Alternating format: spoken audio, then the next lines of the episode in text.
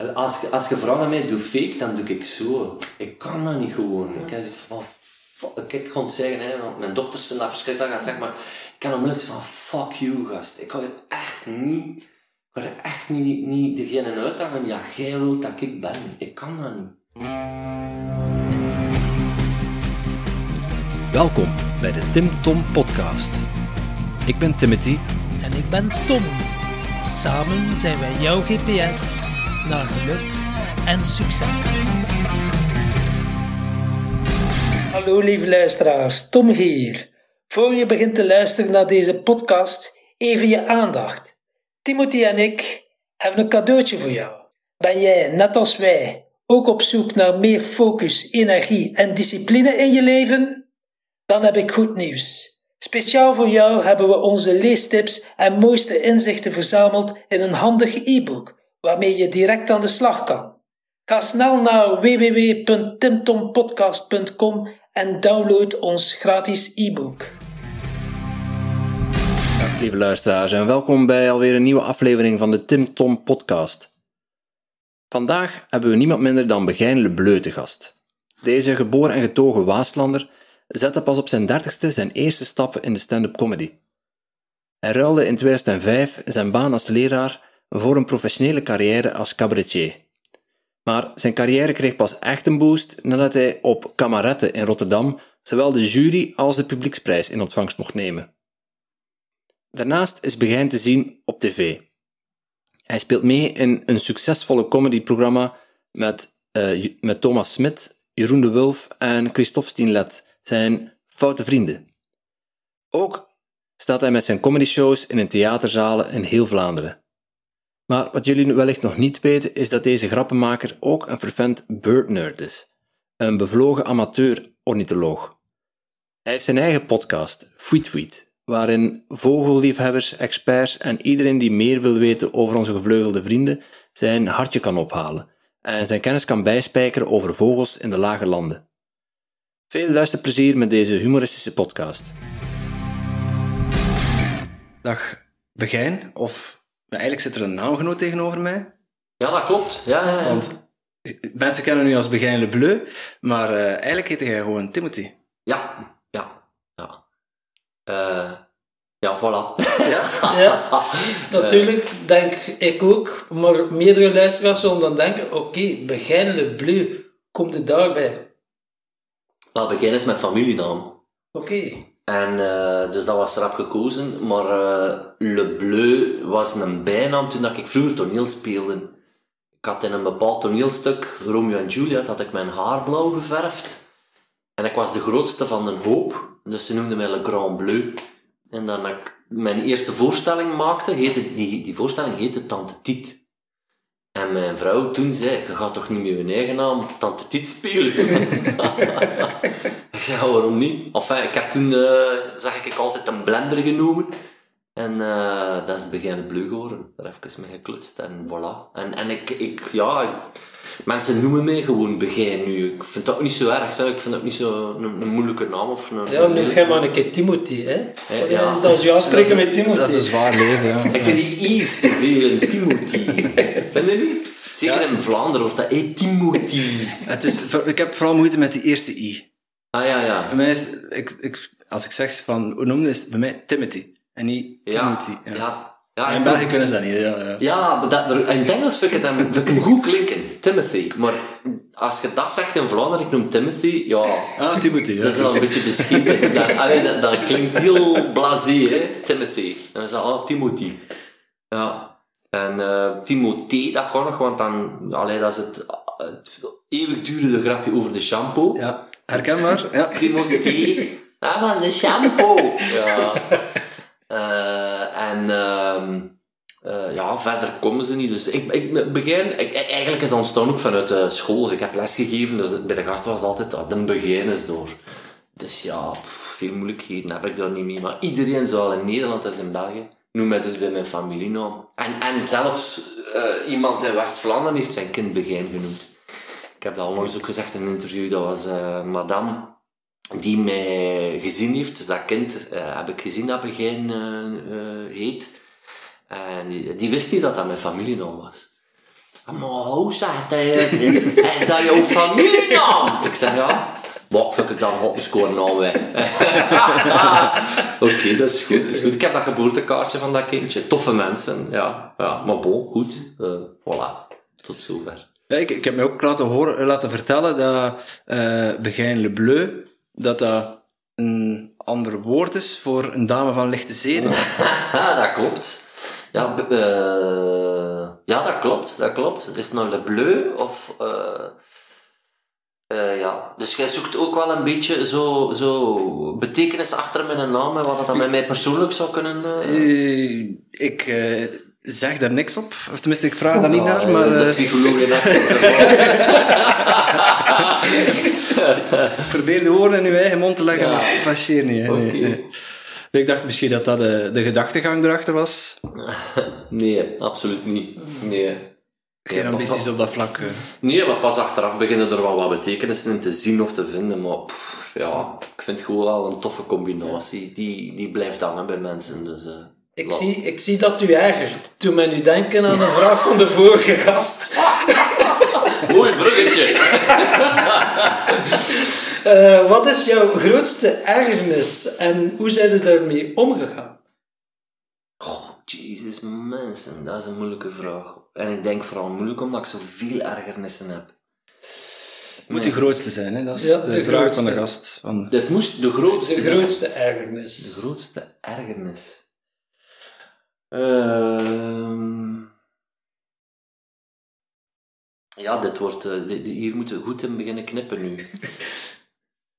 um, ik kan wel een ergernis opzommen, maar of dat, dat nu de ergernis is in mijn, in mijn leven, weet ik niet.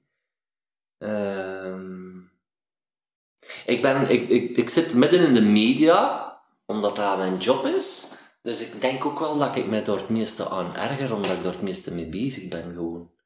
En waar ik mij vooral aan stoor, is de manier waarop dat de media um, in onze levens komt binnen uh, geslopen of gewoon gebeukt. Uh, alle gradaties zijn goed om ons maar te kunnen bereiken. Dat ergert mij compleet. Um, wat mij er vooral aan ergert, is dat ik merk dat mensen dat niet meer in de gaten hebben. Dat dat een, ik zeg het echt, manipulatief systeem is. Uh, waar wij de gevolgen eigenlijk nog niet meer van kunnen overzien. Eh, kun je daar een voorbeeld van geven? Wel, uh, ik heb onlangs op mijn Facebook-tijdlijn een, een uh, item gedeeld van Russell Brand. Dat is een stand-up comedian die heel veel bezig is met spiritualiteit en, en ontwikkeling enzovoort. En het ging over Adele, de zangeres. Je hebt ook Adele de bakkerin die bij ons in de straat woont. Adele de zangeres, wie zou er anders zijn?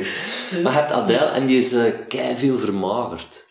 En hoe ze dat nieuws hebben aangebracht.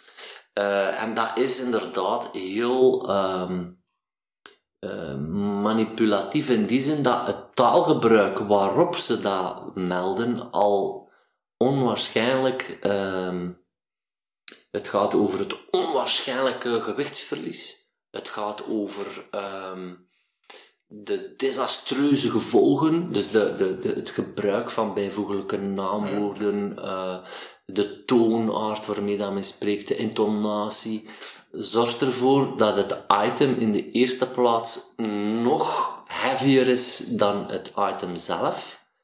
Waardoor dat je eigenlijk als kijker denkt, wow, hier moet toch wel iets onwaarschijnlijks zijn.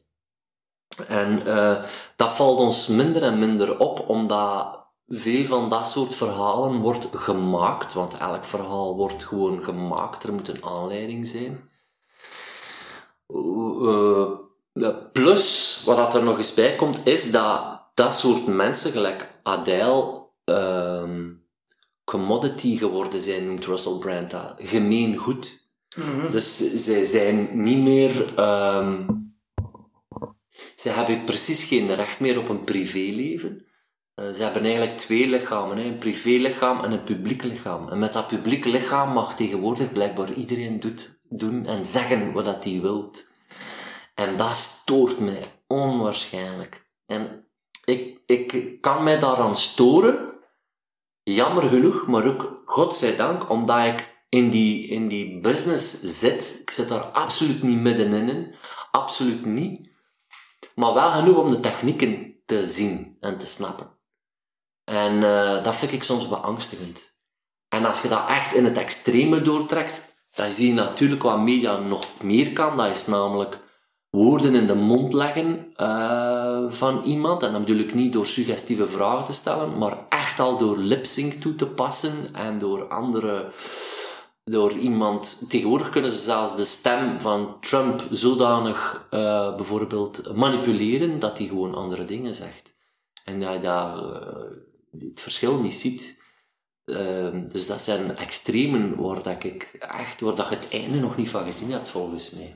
En in die zin wordt fake news ehm, effectief iets wat dat leiders beginnen gebruiken uh, om een volk rond de tuin te leiden. Dus je ziet, ik, ik, ik zit eigenlijk meer in de ergernissen van de reclame en van zoiets als Adèle.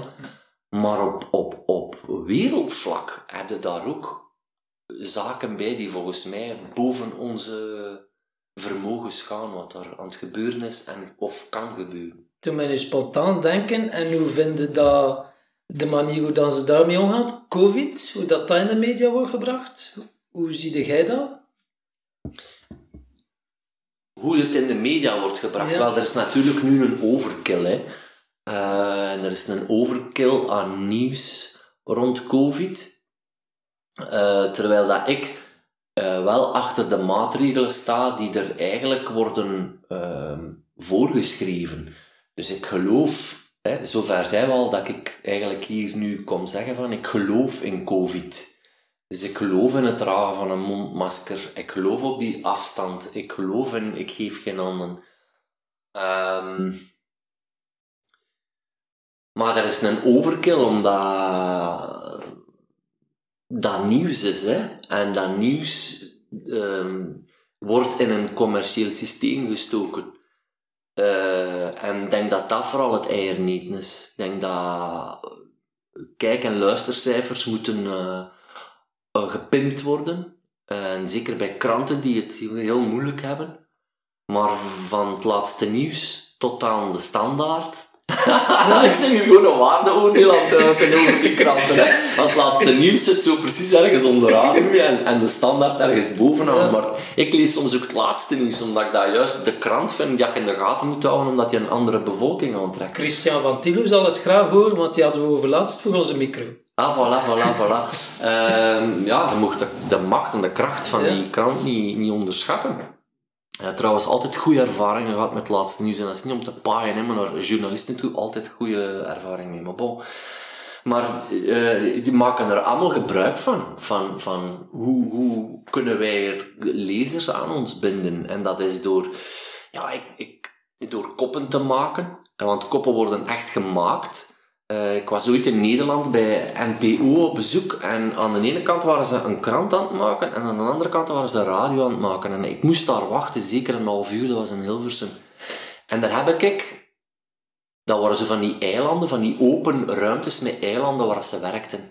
En dat was een team en die waren daar bezig met koppen te maken voor kranten. Dat was, zoveel spijt dat ik dat niet stiekem heb opgenomen, want ik was een vlieg on the wall, hè. echt ja. zo. Ik kost dat werkproces meemaken, maar hoe dat die koppen werden gemaakt, dat was echt. Ik had drie, vier, vijf voorbeelden. En dat, hoe gaat dat werken naar lezers toe? Terwijl wij staan daar helemaal niet bij stil. Hè? Wij denken, is, een, een, is iets gebeurd, ze schrijven een artikel en dan bedenken ze daar een titel bij. Maar ja, de, ja. je beschrijft het eigenlijk andersom. Ja, ja, ja, ja. Ja, absoluut. Absoluut. Hoe kunnen wij dit nieuws belangrijker maken? En hoe kunnen wij dit nieuws aantrekkelijker maken voor een lezer? En soms is dat heel doorzichtig.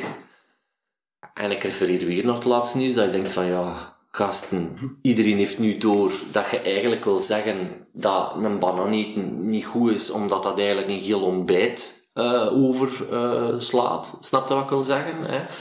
maar dan staat erop bananen zijn gevaarlijk, weet ik veel maar soms heb je het ook helemaal niet in de gaten, wanneer dat er een bepaald uh, eh, een bepaalde kop wordt verzonnen bij politiek debat of zo. En dan voornamelijk ook in combinatie met beeld. Hè. Het beeld is onwaarschijnlijk tegenwoordig. En, en, en dat merk ik zelf ook bij... En dat vind ik wel jammer. Ik kan geen film niet meer bekijken, of ik kan geen televisieserie niet meer bekijken, of... eh, of ik, eh, ik, ik, ik probeer het technisch te analyseren. En het is niet bewust dat ik ergens zit en denk van... En nu ga ik het eens analyseren. Ik zie het gewoon gebeuren. Of ik denk dat het zo gebeurd is. In die zin is mijn geloof in wat aan media brengen, ook al is dat de zogezegde objectieve media, zeker in beeld, waar dat ze nog een beperkte tijd hebben om hun verhaal te vertellen. Ik ga daar erger, echt mijn ergernis over uit en dat is echt bullshit gewoon. Dat is bullshit. Ik neem daar afstand van. Ja, ja, ze willen het in een one-liner hebben en dat verkoopt gemakkelijk. En eh, mensen slikken dat ook gemakkelijk. Buiten dan ze daar zo een artikel in de standaard moeten lezen. Ja. Ja. Ja, ik, ik- je ziet ook gewoon dat wanneer dat je pakt nu de relletjes die geweest zijn in Blankenbergen, je kan daar een reportage van maken en dan kan je ook nog de non-verbale reacties geven van voorbijgangers of zo, die zonder dat de mensen dat beseffen echt zo inspelen op je psyche. Omdat die eh, ehm, stikt daar gewoon een lachend iemand bij, of iemand die ernstig kijkt, of iemand die weent. Uw emotie gaat daardoor bepaald worden. Hè. En bij films kan ik dat nog verdragen, omdat dat fake is. Iedereen weet van, dit is een film. En dan wordt er nog keihard gewerkt met soundtracks, die, dat ik zo'n interessant gegeven vind. En soms zit ik ook filmpjes te maken en zeg ik van, puur voor mij te amuseren, maar ook om bij te leren gaan. Ik steek daar nu een Chaplin-achtig riedeltje onder. En dan steek je daar plotseling een soort soundscape achter die heel dreigend is. En je krijgt echt twee totaal verschillende psychologische insteken van één en hetzelfde beeld. Hè. En dat is razend interessant, maar dat vind ik ook razend gevaarlijk voor de perceptie van een heel volk ondertussen, omdat wij allemaal verknocht zijn aan radio en televisie. Hè. En radio, ja, ik hou daar nog wel min of meer van.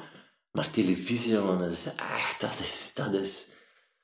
Chance dat we een paar goede televisiemakers hebben, maar, maar, maar zelfs het nieuws van de week, hè. eh, Ja, het, werd met cliffhangers, hè, het nieuws. ja, Dus we beginnen het nieuws met iets... En straks, moet zeker verder kijken, want straks gaan we dit vertellen. ja, onwaarschijnlijk. Ja, ja. En, en iets wat ik bijzonder ehm, vies vond van de week. En ik dacht eigenlijk van, dit zou een nieuwsbericht zijn dat geknipt is om verteld te worden door de Joker van Batman. Dat is namelijk, dat ging over het feit dat er een peuter was verdronken ergens in, aan, een, aan een meer in Mechelen. Hè. Een heel tragisch ongeval. Maar dus diegene die het nieuws voorlas, capabele mens daar niet van natuurlijk, want die doet ook zijn job. Maar die, die gaf een beschrijving van hoe ze dat kind hadden gevonden. En die deed dat op een hele serene manier. En dat was juist hetgeen wat dat mij tegen de borst stootte. Dat je op een hele serene manier beschrijft hoe een kind gevonden is dat verdronken is. Ik vond dat op zijn zachtst gezegd behoorlijk walgelijk. Dat is inderdaad wel... eh, Ze hebben het kind gevonden met zijn buikje naar beneden. En ik van, waarom moeten wij dit soort... Wie is er gediend bij dit soort informatie? Ja. Wie is er gediend bij dit soort nieuws? Niet dat het nieuws is, dat niet mag geweten worden, maar dit is echt... De, al ik zeg het, en daarom, dat, is iets voor de Joker zijn, op een hele serene manier. Het, het, het werd bij mij bijna een soort provocatie. Ja, een soort an- antipathie. Ja. Bij mij wekte dat dat op, Ja, ja. terwijl dat ik er zeker van ben dat de meerderheid van de mensen gewoon meegaan in het meelijwekkende, in het, in het emotionele, in het, oh shit, dat, is, oh, dat doet zeer. En ik had zoiets van, ik wil dit niet, ik wil niet gemanipuleerd worden hierin. Dat is bij mij ook de keuze geweest, een paar maanden geleden, dat ik zeg, ik kijk niet meer naar het nieuws, ik luister niet meer naar het nieuws, maar ik ben wel één keer in de week naar iemand, vertel mij een keer in twee, drie minuten wat ik moet weten van belangrijke nieuwsfeiten. Doe jij dat? Ja, Ah, dat doe ik. En dat En, wie- werkt. en wie contacteert je daar aan voor? Eh, dat is eh, mijn vrouw. ah oké. oké. Ja. Of iemand die eh, eh, goed kent, die dus zegt van, kijk, geef een keer de, samenvatting, twee, drie minuutjes, wat moet ik weten, wat is er gezegd geweest, wat is belangrijk, en dan hoefde al die bullshit niet te horen en niet te weten. En dat werkt heel goed, want dat heeft eh, een hele grote invloed op je mindset ook. Ja, Omdat nu mensen zo bezig zijn, ja, covid, dat weet dat, dat. Ja, ik weet nu gewoon, oké, een bubbel, maximum vijf mensen, mondmasker verplicht, maar dat is de essentie uiteindelijk. Wel ja, Kijk, en, en je hoort dat dan, en ik ga dan op zoek naar de politieverordening waar dat in staat, omdat ik dan wil weten wat er nu wel en niet mag. Want de, de ene dag zeg je het een, de andere dag zeg je het ander. Ik weet het dan niet meer. En dat hoor ik dan ook via via, want ik kijk ook geen, geen, geen ja, ik kijk nog af en toe een keer nieuws, en laten we zeggen één keer in de week. Je mist niks, hè. Dat is gelijk een feuilleton, hè. Ja, hoe, hoeveel keer wilt je ook het nieuws herkauwen? Ja. Dus ik, ik, ken, ik ken mensen die twee, drie keer per dag naar nieuws kijken, hè. Ja, ja, ik, ik ken mensen die nog meer kijken. Alleen niet dat ik hier eh, met papa je nog een groter geweer wil zeggen, maar het, het, het, ja, ja, ik geloof. En, en die mindset waar dat jij dan over spreekt, ja, die wordt daar onvermijdelijk door gekleurd. Ja, absoluut. Onvermijdelijk.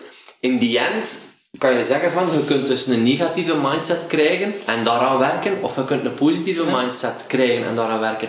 In die end, ik ben daar zo, ik geloof daar ook wel in, dat, dat blijft gewoon maar een mindset. Dus dat is gewoon maar een bril die je opzet en in die end gaan wij alle, allemaal dood en groeit er gras op onze buik, weet je. Maar Ja. ik wil wel iets positiever in het leven staan en mij niet daardoor onmiddellijk door eh, laten beïnvloeden, maar ik zit wel heel veel op sociale media. Ik gebruik dat heel veel. En ik ben daar, verslaafd is een groot woord, maar ik ben daar veel mee bezig, dus ik scroll veel. En eh, ik, ik moet wel alert blijven om niet te trappen in de val van. Eh, maar daar zie je zelfs eh, mensen waarvan je eigenlijk niet verwacht dat ze erin zouden trappen, dat ze het wel doen. Dus ofwel doen ze het dan bewust, omdat ze weten van ik moet een bepaalde massa bereiken. En tegenwoordig ehm, gaat het bij televisie of nieuws, dat gaat niet meer over wij maken iets goeds. Dat gaat over wij maken iets controversieels. Dat gaat niet meer over wij willen likes met de duimpjes. Maar de dislikes tellen evenveel als de likes. Als wij veel dislikes krijgen, wil dat ook iets zeggen. Namelijk, wij hebben een bericht gemaakt, dat wordt veel gedisliked. Dus worden er ook, wordt daar ook naar gekeken. Dus die polarisatie, hè, dat is ook zoiets dat veel in ons nieuws of in ons leven zit, omdat wij ook in een politiek systeem zitten nu, waarin dat links en rechts constant uit elk- eh, uitgespeeld worden naar elkaar. Maar ehm, eh, die polarisatie is belangrijk, denk ik, bij media. En niet meer zozeer, wauw, ik vind dat goed. They don't give a fuck, jong, of dat je dat goed vindt. Die willen gewoon, gewoon babbelen. Aandacht, dat willen die. Dus ik, ik, mijn ergernis wordt groter, voel ik als ik erover aan het praten ben. Ja, dat, Ja, het gaat echt over aandachtshoeren gewoon. Dat, dat is in zekere zin eh, is dat echt een roep, een schreeuw naar aandacht, vind ik. Eh, Om kijkcijfers, luistercijfers, leescijfers. ehm, maar dat, dat, dat dringt ook verder binnen in de levens van iedereen. Hè. Kijk naar mij. eh, eh, The Voice for Kids, eh, dat is gewoon ik vind eh, VTM, eh, ik ben daar altijd gewoon ontvangen geweest van dat fantastische groep mensen, maar de Voice, jongens, dat, dat zouden ze gewoon moeten verbieden, hè. Verbied dat programma gewoon. Ik snap niet dat iemand als, eh wel, laat maar niet, die jury, waarom doen die dat gewoon? Waarom doen die dat? Omdat je van creativiteit zoiets engs maakt. En al van kleins af aan. Creativiteit. En al hetgeen wat daar staat op dat podium heeft gewoon heel veel talent. En toch gieten ze dat zodanig in een vorm Ja, waarvan, ja, ja, heel selectief, waarvan dat ze zeggen, jij wel en jij niet. En 9 van de 10 keer volgen daar tranen, omdat die vinden dat ze er wel bij horen, omdat ze vinden dat mijn, mijn, ik ben niet goed genoeg. Ook al zeggen die en vangen die dat wel op, en is daar waarschijnlijk ook wel een psycholoog, hè, en wordt daar gezegd van, oh man, jij doet dat goed, en, en, en eh, je moet voortdoen, en Ja, maar die stempel zit dan in hun hoofd, hè. Ja. ik denk dat wel. Ik denk dat die ergens wel worden afgerekend op wie dat ze eigenlijk zijn. Ja. En eigenlijk zie je daar, au fond, zie je door fantastische gasten staan, met een nemmer vol talent, die dat op dat moment niet kunnen waarmaken, ergens volgens een jury die regeltjes heeft opgesteld van hoe het zou moeten zijn. Maar ik denk dat vanaf het moment dat je over kunst of artistiek ontwikkelen begint te bepalen van hoe iets moet zijn, dat je nooit uit kader gaat springen van het gewone. Of het, of het, of het, uh, of het bijzondere, wat het bijzondere maakt. En wat maakt het bijzonder? Wie dat jij bent, hoe dat jij zingt. Ik bedoel, Serge Gainsbourg babbelde zijn liedjes vol. En zelfs daar was hij soms nog vals in. Want dat gaat over persoonlijkheid. Dat gaat niet over, ik zing dat out of tune. Of, of dat, dat, dat, dat is de boodschap die zou moeten meegegeven worden. En wat vind je dan van So You Think You Can Dance? Wat vind je van dat programma? Omdat ik daar aan meegedaan heb. moet zeggen... het was wel heel grappig. Ik moet, zeggen, ik moet zeggen, ik heb echt... Ik kijk niet veel televisie, maar foute vrienden, als ik de kans heb, kijk ik met die herhalingen en zo. Ik vind het nog altijd wel ja, plezant om te kijken. Dus, Maar de ergernis van al hetgeen wat ik nu opsom, is daar wel uitgekomen. Mijn idee rond jury en talentenshows op televisie uh, ook al kende ik het programma niet zo goed toen. Um, maar de ergernis daar rond uh, heb ik daar wel kunnen uitspelen. Dat zat daar zeker achter. Toen ik daar binnenkwam, dacht ik oh, zo'n tafel met juryleden die zeggen hoe dat je het moet doen. Maar die wisten ook niet wie ze voor zich hadden. En dan, ik kon op dat moment, ik kon ook niet verliezen, weet je. En dan groeien. Ik, ik, op zo'n moment groei ik alleen maar. Op zo'n moment denk ik van, oh wacht. Dit zijn de mensen die gaan zeggen hoe dat ik het moet doen. En dat zit in mij, dan, dat is een soort gen in mij, dat klikt gewoon van. Ik ben underdog en ik ben onhandig en ik, ik soms raak ik niet goed met woorden. Maar als ik in zo'n situatie kom, dan denk ik van ja, ik, en mensen, ik ga nou echt wel zeggen wat ik denk gewoon. En ik denk wel dat dat, ja, dat, dat, door, dat, dat, dat door tot uiting is gekomen. Ja. En uh, over ergernis gesproken, ja, de meeste mensen kennen nu van foute vrienden. Heb je regelmatig wel geërgerd aan die foute vrienden? Ja, ja, ja, ja, ja, ja. Maar dat was ook eigenlijk het opzet van het programma. Hoe is dat eigenlijk tot stand gekomen, dat programma? Wie, wie heeft dat, uh, was dat, dat bestond al ergens anders in, in andere landen? Of dat is een Amerikaans programma. Hè. Okay. Het is een Amerikaans programma, maar die verkopen die format dan op verschillende landen. En dat is dan bij een, een Vlaams, bij Blazowski, dat is nu Free Kings geworden, productiehuis. En die kende Thomas Smit. En ze vroegen aan Thomas, wilde jij eens drie mensen zoeken waarvan dat je denkt, hier voel ik mij goed bij en hier kan ik mij mee omringen en een goede ploeg vormen. En Thomas en ik kennen elkaar al heel lang. En wij improviseerden op dat moment in de Joker, een comedycafé in Antwerpen. Uh, voilà. zo is dat eigenlijk ontstaan. En ben ik een proefdag, proefdraaidag gehad. En dat klikte meteen. En ik denk zelfs dat ze van die proefdraaidag momenten hebben getoond. Want ja, alles kost geld. Dus, dus pakken ze alles mee qua opnames wat kan gebruikt worden eigenlijk. Ja.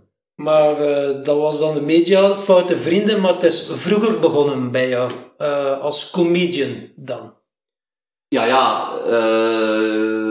Ben eigenlijk twintig jaar bezig hè, ehm, binnen de comedy sector. Ehm, ik heb lang gezocht naar een vorm. Uh, maar eigenlijk, ik had in Rotterdam op een gegeven moment kameretten gewonnen. En in Nederland hebben ze ook cabaretwedstrijden die echt een springplank zijn.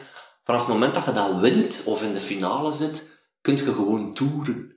En ik won dat. En kameretten, dat is zo'n wedstrijd. Ja, weet je, Hans Steven heeft dat gewonnen. Uh, Paul de Leeuw zat in de finale of heeft dat zelfs gewonnen. Uh, ja, eigenlijk alle, alle grote cabaretiers in Nederland. Ja, ja, veel. Veel. Dat is warm, hè? Vinden dat je warm of valt Ja, dat is hier warm, ja. Maar ja. Ik, ik, ben zo in mijn mind dat ik, uh, dat ik mijn lichaam vergeet. Dat zijn mensen een flow, jong. Ja. yes. Um, maar kameretten was voor, voor jou ook een, een springplank dan? Ja, in Nederland vooral. Maar in België liep ik dan weer behoorlijk wat achter. En ik probeerde ook een bepaalde vorm te spelen die niet echt aansloeg, vond ik, in Vlaanderen. Eh, dus ik heb daar wel even uh, mijn pijlen gezien, zou ik maar zeggen, om, om, om, de juiste vorm te vinden en het juiste en publiek te vinden. En voor het televisieprogramma had ik wel een min of meer vast publiek. En dan bedoel ik 100 man per voorstelling. En sommige waren wel uitverkocht, omdat dat van mond tot mond reclame was. Maar grote, grote events of zo, dat, dat lukte niet bij mij. Dus dat, dat is pas echt gekomen als je op televisie komt. Ja. Ja. Dat je bekend wordt bij het grotere publiek. Ja, ja, ja, ja, ja, ja, ja. En dat is een beetje te raar, maar je moet effectief wel op televisie komen als je de boel wilt platspelen. Anders snap ik dat je gewoon subsidies aanvraagt omdat je een productie wilt maken of zoiets, omdat ja... De boel platspelen bedoel je voor veel mensen spelen? Of Ja. eh, gewoon zo goed zijn dat je ze letterlijk Ja, omverblaast? alle twee. Ik denk dat eh, een, een groot publiek ook, of een groot publiek, voor mij is een groot publiek geen sportpaleis. Hè. Voor, mij is een, een, groot publiek een zaal die uitverkocht is in Vlaanderen. En dat zijn niet zo grote zalen, dat, dat gaat over 300 man eh, tot 600, zoiets in Vlaanderen is dat. Ehm, ik denk dat dat een voorwaarde is om, om, om een leuke avond te hebben. Dat is dat dat, dat publiek daar zit. Dat dat gezellig is. Dat er een soort golfbeweging komt van enthousiasme en, en, en ja, toffe sfeer. Dus je moet, dat is een voorwaarde, het vol zit. En ehm, ja, die tweede voorwaarde, ik weet al niet meer hoe, eh, hoe dat je het geschetst hebt, want het klopte wel. Hè.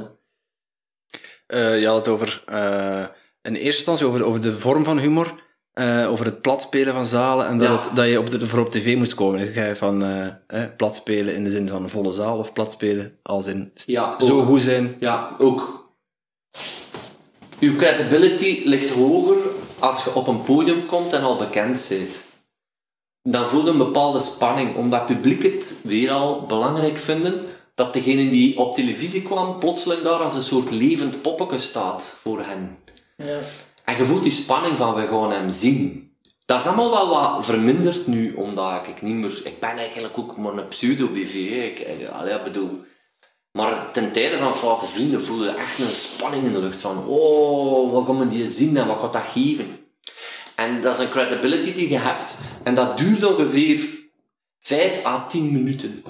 En als je dan binnen die 5 à 10 minuten het niet kunt waarmaken voor het publiek, dan zitten ze kwijt. Want je teert daar niet op. Je kunt niet teren op credibility. Dus in het begin is dat goed, maar als je ze kunt meenemen binnen dat gevoel en je vertelt goede grappen of een goed verhaal of een goede interactie of komt, hoe komt de over, sympathiek of niet, dat zijn allemaal trucken van de voor. Hè. En dat je ze dan kunt meenemen en je kunt die zo anderhalf uur in, in, in vervoering brengen, dan kunnen we zo plat spelen. En dat is echt een van de, voor mij, een van de, als dat lukt, een van de grootste kicks die dat er bestaan. En comedian, wanneer is dat ontstaan, dat idee? Was als klein jongetje al dat al op de familiefeestjes eh handje de voorste was? Of is u altijd de plezante woord uithangen? Of is dat later gekomen? Ja, dat, is, dat heeft er altijd al in gezeten eigenlijk. Hè. Ehm, ik denk dat dat wel een deel de geldingsdrang was. Zo van, ik ben wel eh, eh, een goeie, een grappige, een... ehm, eh, ik wijs wel dat ik... Ik begin dialect te praten. De psychologen zullen weer conclusies trekken. ik denk wel dat dat komt doordat ik een, een, een, een dialect waar ik vandaan kwam, het Waasland, was een doezeken. Ik was een doezeken. Echt een underdog. En, en lage weerbaarheid en eh, rap gekwetst zijn. En, pff, eh, mijn manneke niet staan. En ehm, die geldingsdrang heeft er wel altijd in gezeten. Van ja, maar ik kan dat wel of ik ben dat wel. En, eh, ik, ik, ik vond daar een uitlaatklep in de humor gewoon.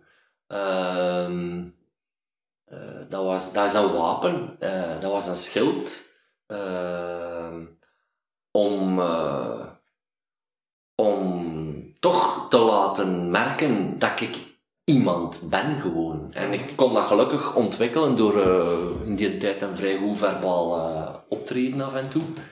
Of grappige wendingsjes. En ehm, daar krijg je dan natuurlijk ook bevestigingen en dan gaat je verder op dat pad. Hè. Eh, En heb je ook uw opleiding dan gedaan, Erman? Teerlingsschool of zo? Nee, nee, dat nee, nee, eh, nee, godzijdank niet. Ja. Godzijdank, zeg je? Ja, ik vind dat een moeilijk milieu. Eh, Herman Terling en echt zo die drama-studenten en zo. Ik, ik aard daar eh, niet goed. Ik heb dat al gemerkt ook als ik op audities ga, dat ik op een gegeven moment dacht van, stop daarmee. Want ja, dat, dat, dat gaat niet voor mij. Ik ben heel eh, ja, recht door zee en, eh, en met mijn voeten op de grond. En terwijl dat ik vind dat zo acteurs, die zijn meester in het, in het ehm, eigenlijk genereren die constant emoties. En vaak is dat ook privé zo. Dus waar die eigenlijk goed in zijn, dat is niet alleen een métier, iets wat je leert, maar die hebben dat ook van nature.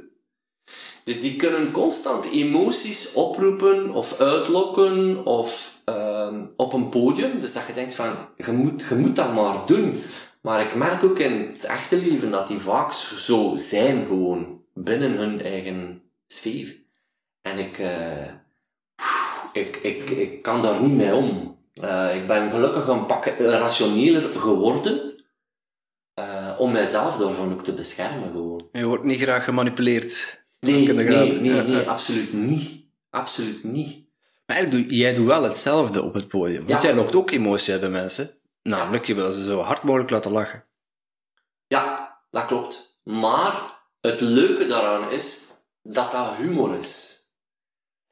En ehm, ik gebruik wel degelijk alle emoties op een podium, maar wel om tot een punt te komen waarbij dat iedereen even er terug uitgehaald wordt. Ehm, dus eigenlijk doe ik je kunt dat niet op, op, op audio vangen, maar in beeld is hetgeen wat ik, is, ik doe dit, ik neem ze mee in een bepaalde stroom van emoties, of in een verhaal, en ik neem ze mee. En dan een grap ehm schopt dat meestal onderuit. Dus wat dat je doet is dit, dit, dit, dit, en de grap is er, poef, zeg ik. En ik open terug de deur. Ja. En dan haalden ze terug uit die emotie, terwijl een, een, een toneelstuk zit niet altijd, maar vaak enkel maar in die sleuf, in dat kanaal waar dat ze in, en in drammen, zou ik maar zeggen, dat blijft diezelfde emotie, dat blijft diezelfde emotie. En dan zit ik al te denken op dat moment van, goh, gast, we staan gewoon maar in het cultureel centrum van Tijd Buurs. voor, tijd voor een grapje. Ja, Ja, ja, ik heb dat ook eens, Doe toch normaal. Maar dat is nu eenmaal theater, weet je. Dat is dat kader. En, en dat is theater. Dat, dat is een métier. Dat is geen wat ze doen. Maar voor mij werkt dat niet altijd niet meer. Ik heb van, iedereen weet dat je dat gewoon maar staat te spelen. Nu, tu- natuurlijk, dat is de ondergang van theater, wat ik hier zeg gewoon. Hè. Dat is en er zijn heel veel mensen die daar op een andere manier mee omgaan. Hè. Pak met Peter de Graaf. Die beukt echt door, door die wand heen van, van, van dat niet aanwezig zijn van het publiek. Die spreekt ook gewoon tegen zijn publiek. Dus er zijn dimensies waarin dat je merkt dat er ook echt wordt geëxperimenteerd binnen het theater. En dat dat wel goed is, natuurlijk. Ehm, maar ik heb dat er moeilijk mee, met dat soort eh, theater, waarin dat je moet meegaan met, met het drama of het verhaal of het... Ik, ik, ik vrees dat dat een beetje het failliet is van theater door het sterke medium dat televisie is geworden. Goh, is dat zo? Dat weet ik niet. Ik denk dat toch dat, dat, er mensen zijn die daar... Jij bent heel analytisch, dus jij kijkt er een andere bril naar. Ik herken dat wel een beetje, want ik doe dat ook. Als ik naar de film kijk, dan... Ja, ik, ik, kan dat wel, ik kan dat wel spannend vinden, ik kan erin meegenomen worden, maar ik weet dat dat niet echt is. En ik ben daar continu ook eh, mee bezig. Theater, hetzelfde. Dus ik kan er wel van genieten, ik kan dat mooi vinden, maar ja, dat is gespeeld, dat is eh, geacteerd. Maar er zijn ook mensen die daar echt in kunnen zichzelf in kunnen verliezen en dan, wauw, prachtig. En ja, die blijven dat toch opzoeken. Ik denk ook dat het nodig is in die zin. Ik denk dat er echt mensen, dat is projectie. Ik denk dat echt mensen nodig hebben aan televisie, aan dat soort drama op theater, om uiteindelijk zichzelf te zien in die personage, hun eigen gevoelens te projecteren daarin. Eh, En dan spreken we eigenlijk al bijna over theater als therapie. Ehm, maar ik denk dat, dat, dat er veel verschillende soorten therapieën zijn zonder dat we dat weten. En kunst eh, en cultuur is er daar zeker in van. Dus ik, ik wil het ook in zijn waarde laten. Ehm, dus het is goed dat je het nuanceert. Ehm, maar zo komt het vaak over bij mij. Ja. Eh, Het ja. past niet bij uw wereld, wezen. Ja.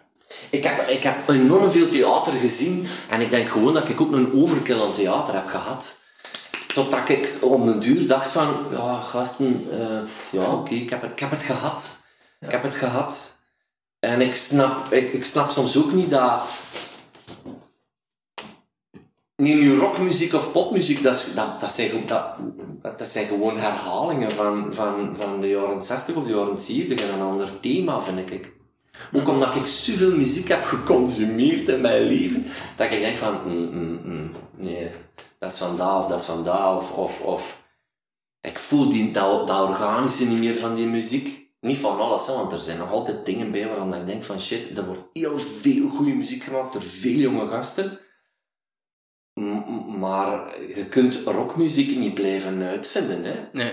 dat, allee, bedoel, dateert, dat is heel, heel cru wat ik nu zeg, op drie akkoorden. En daartussen kun je nog wat beats steken. Allee, dat is heel, heel Dat doen ze, eh, dat doen arrogant ze de laatste, zeg. maar dat doen ze de laatste jaren al heel erg veel. Hè? Wat. Ja, van die eh, ja, evergreen liedjes pakken en daar dan een beat onder steken en voilà, ze hebben een liedje gemaakt. Ja. Dat is heel plat gezegd, maar er zit veel meer achter. Maar ja, de creativiteit is wel een beetje uit. Ja, ja, ja, ja. Natuurlijk, ik, ik, ik, ik sabel hier gewoon maar even een industrie neer. Op Twee ondertussen. zeg dat ik maar mijn geile.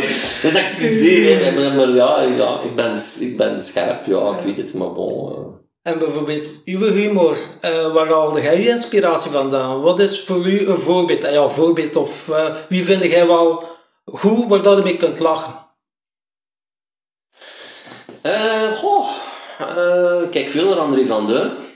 Ik dacht het ging zijn, ik kijk in de spiegel, maar... Nee, ik ben narcist, maar zo narcistisch niet. Ik- André van eh, vind ik, blijf ik goed vinden. Ehm, ik kijk wel wat naar Engelstalige comedians. Ehm, in België zijn er ook hele goede bij waarvoor dat helemaal niet naar Engeland moeten. En ik vind het nog altijd zonde dat televisie nog altijd geen manier heeft gevonden om de comedians in hun programma's fatsoenlijk te integreren. Je ziet dat wel in Engeland, dat die een zeer belangrijke rol krijgen, die op voorhand is afgesproken en daardoor heel dynamisch meezitten in, het, ehm, in een panel bijvoorbeeld. Of Nicky Servage, die heeft zijn eigen serie Ja. gekregen, ja. Ja, of... ehm, En Mr. Bean ook trouwens. Hè? Ja, ja, ja, ja. Atkinson. Ja, die is dan meer acteur, maar... Ik verwijs naar Graham Norton bijvoorbeeld, waarin dat... Je ziet, of ik voel dat daar veel is voorbereid, maar dat is zo goed, spontaan, enthousiast en met veel zin gedaan, dat je gewoon constant meegaat. Plus, die krijgt natuurlijk de crème de la crème van de acteurs over de vloer, die dat ook kunnen spelen en vertellen. Want het, het verhaal, of eh, het, het, het, het programma van Graham Norton, ik weet niet of dat jullie het kennen. Nee, ik niet. Ah, oké, het is een, een panel. eh, het is eigenlijk een talkshow. Een gewone talkshow waarin dat je vier kei beroemde acteurs of comedians over de vloer krijgt. Nu, Graham Norton zelf is, is, is echt heel scherp, heel goed, is gebaseerd op feel good, eh, respect naar elkaar toe. Eh, maar er wordt constant, de storytelling is daar heel belangrijk. Dus er wordt eigenlijk verteltheater ehm, gebracht. Maar op zo'n eh, ja, spontane, naturele manier dat je dat bijna niet in de gaten hebt. En de verhalen die zij vaak vertellen gaan over het feit dat zij zeer beroemd zijn, maar daar eigenlijk niet in slagen in hun dagelijks leven. Dus je, krijgt veel zo van die eh, situatiehumor, waarin dat iedereen uiteindelijk achteraf zegt van, ja, Tom Cruise, dat is dus eigenlijk ook maar een gewone mens, weet je. Ehm, en ik vind, wij, wij in België en Vlaanderen zijn daar nog niet in geslaagd om die serieus te nemen. Dat klinkt wel raar. en te luisteren naar comedians. Het is nog altijd de televisiewereld die zegt, ja maar eh, pak nu bijvoorbeeld eh, het het, het- de slimste mens ter wereld. Wat een keigoed programma is, qua humorgehalte, waar enorm veel mensen naar luisteren. Maar zij, zij vertellen daar gewoon moppen. Hè. En dat is wel goed en dat werkt. Dus waarom zouden ze die format veranderen? Ja, maar in Be- België, ik ik ben het er niet mee eens, want in België hebben we dat toch? Dat noemen ze de politiek. Ah, de politiek, ja, akkoord, akkoord, akkoord. Ja, ja, ja, ja, ja, ja, ja, ja. ja. Maar ik ben aan, aan het denken nu, hè. Is, eh, ja, het is heel Ik kitschig. haal u uit je verhaal, sorry. Ja, ja, maar nee, nee, nee, nee, ja. Ja, ja, dat is nog erger dan humor eigenlijk, hè. Dat is, dat is al... Dat is, Dat is al een klucht op zich. Maar Ja. Maar we, gaan ook... weer, we gaan weer een industrie neerstabelen voordat we dat doen. Ja, we zijn goed bezig. Ja, ja, ondertussen wel, hè. Ik hoorde jou net zeggen eh, over, over, hey, over je ergernissen, dat je, je, je had het over een positieve en een negatieve mindset, hè, dat je je ergert dat de media zo inspeelt op die negatieve mindset. Wat doe jij er zelf aan om in die positieve mindset te blijven? Of te komen? Maar voor mij natuurlijk, en, en, en, en eh, dat, dat is iets wat ik nu veel uitspeel, dat is het, het natuurgegeven waar ik mee bezig ben. Hè. Nu, dat is, dat is mijn dada, dus dat hoeft daarom niet een dada te zijn van iemand anders. Jij, Ja, maakt, jij natuurfilms? Alsjeblieft? Jij maakt natuurfilms? Nee, nee. Nee, want enkel... sorry, sorry. Nee, wat ik doe. Ja, nee, zeg maar, zeg maar. nee, ik heb gehoord van... eh, ja, enkele jaren geleden ben je uit de kast gekomen, hè? Ja, ja, ja. Het ja. nestkastje. Nestkast. Ja. Als, als vogelspotter, hè. Ja, ook omdat het milieu mij wat aangaat, maar ik ben gewoon inderdaad een zot van, van, van vogels en vogelspotten. En ehm een podcast van gemaakt, en die podcast is voor dat niche onderwerp ja, vrij goed beluisterd. Hoe heet jouw podcast? Feed heet de podcast. Mensen het willen uitchecken. Ja, dus één keer per maand probeer ik een interview te doen met een niet-BV. Ook al zijn er mensen die gezegd hebben van, "Allee, jongen, je moet je bereik groter maken door daar BV's in te steken, maar dat was nu juist mijn optie niet. Mijn optie was nu juist dus geen format te maken met een BV in. Want dat is ook de manier om succes te krijgen voor een programma tegenwoordig. Steek er een BV in. Waardoor dat je de format krijgt van... eh, we hebben een huis en we stoppen er een BV in. We hebben een mobiloom en we steken er een BV in. Ik vind dat wel een goed programma trouwens. Ja. Eh, Columbus, ja. Columbus. Ik vind dat echt wel een goed programma. Ehm, maar, maar je krijgt daar allemaal variaties op. En, en ik dacht van, er zijn wetenschappers, er zijn vrijwilligers in natuurwerkgroepen die zoveel weten over vogels. Ook zoveel cultuurhistorische weetjes rond dialectnamen en gebruiken. En, ehm, ja, voilà, en dat doe ik. Dus ik bespreek drie vogels, favoriete vogels van de gast. En, en ik trek erop uit meestal, dus het is meestal een wandeling of in de natuur. En, ja. En ja, dat is een avontuur dat wordt maar groter. En Waar komt die passie bij jou vandaan, van vogels? Van thuis uit natuurlijk. Ik zeg natuurlijk omdat mijn pa eh, een natuurliefhebber is. En, eh, maar die is dan meer geënt en gefocust op insecten. Dagvlinders. Dus die ging heel Europa door om dagvlinders te bekijken en, en, en te fotograferen. En vroeger was dat verzamelen. En van daaruit werd ik meegenomen en leerde ik wel heel wat kennen. En, en, eh, dat is nooit weggegaan, nooit weg geweest, maar dat kwam wel altijd heviger terug. Ik denk dat dat ook normaal is, dat je op een gegeven moment op een leeftijd komt dat je aan het, ja, dat is wel straf uitgedrukt, aan het uitbollen bent, of eh, dat de dingen die je vroeger zo leuk vond, maar vergeten bent doordat je met andere dingen bezig bent, terugkomen en daar iets van wilt maken. En ehm, ja, voilà, op die, op die manier. eh, er, er, er altijd in gezeten, maar nu steeds meer mij aan het vastbijten om, om, ja, omdat mij dat eigenlijk gewoon dermate boeit en fascineert. En ook de mensen, ook omdat het een totaal andere wereld is van dat ik dat kom eigenlijk. En ik ben blij dat ik voor die tak eh, iets kan betekenen. Omdat dat toch meestal mensen zijn dat geen tafelspringers zijn. En, ehm, Wat doe je met tafelspringers?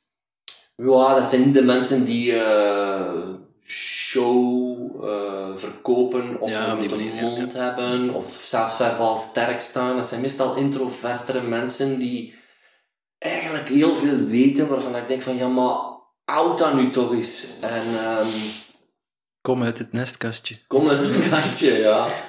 Eh, ja, en dat vind ik wel de moeite om die mensen te laten spreken. En door mij eh, denk ik dat, dat dat juist iets meer belangstelling krijgt. eh, of, of wat dat zij doen.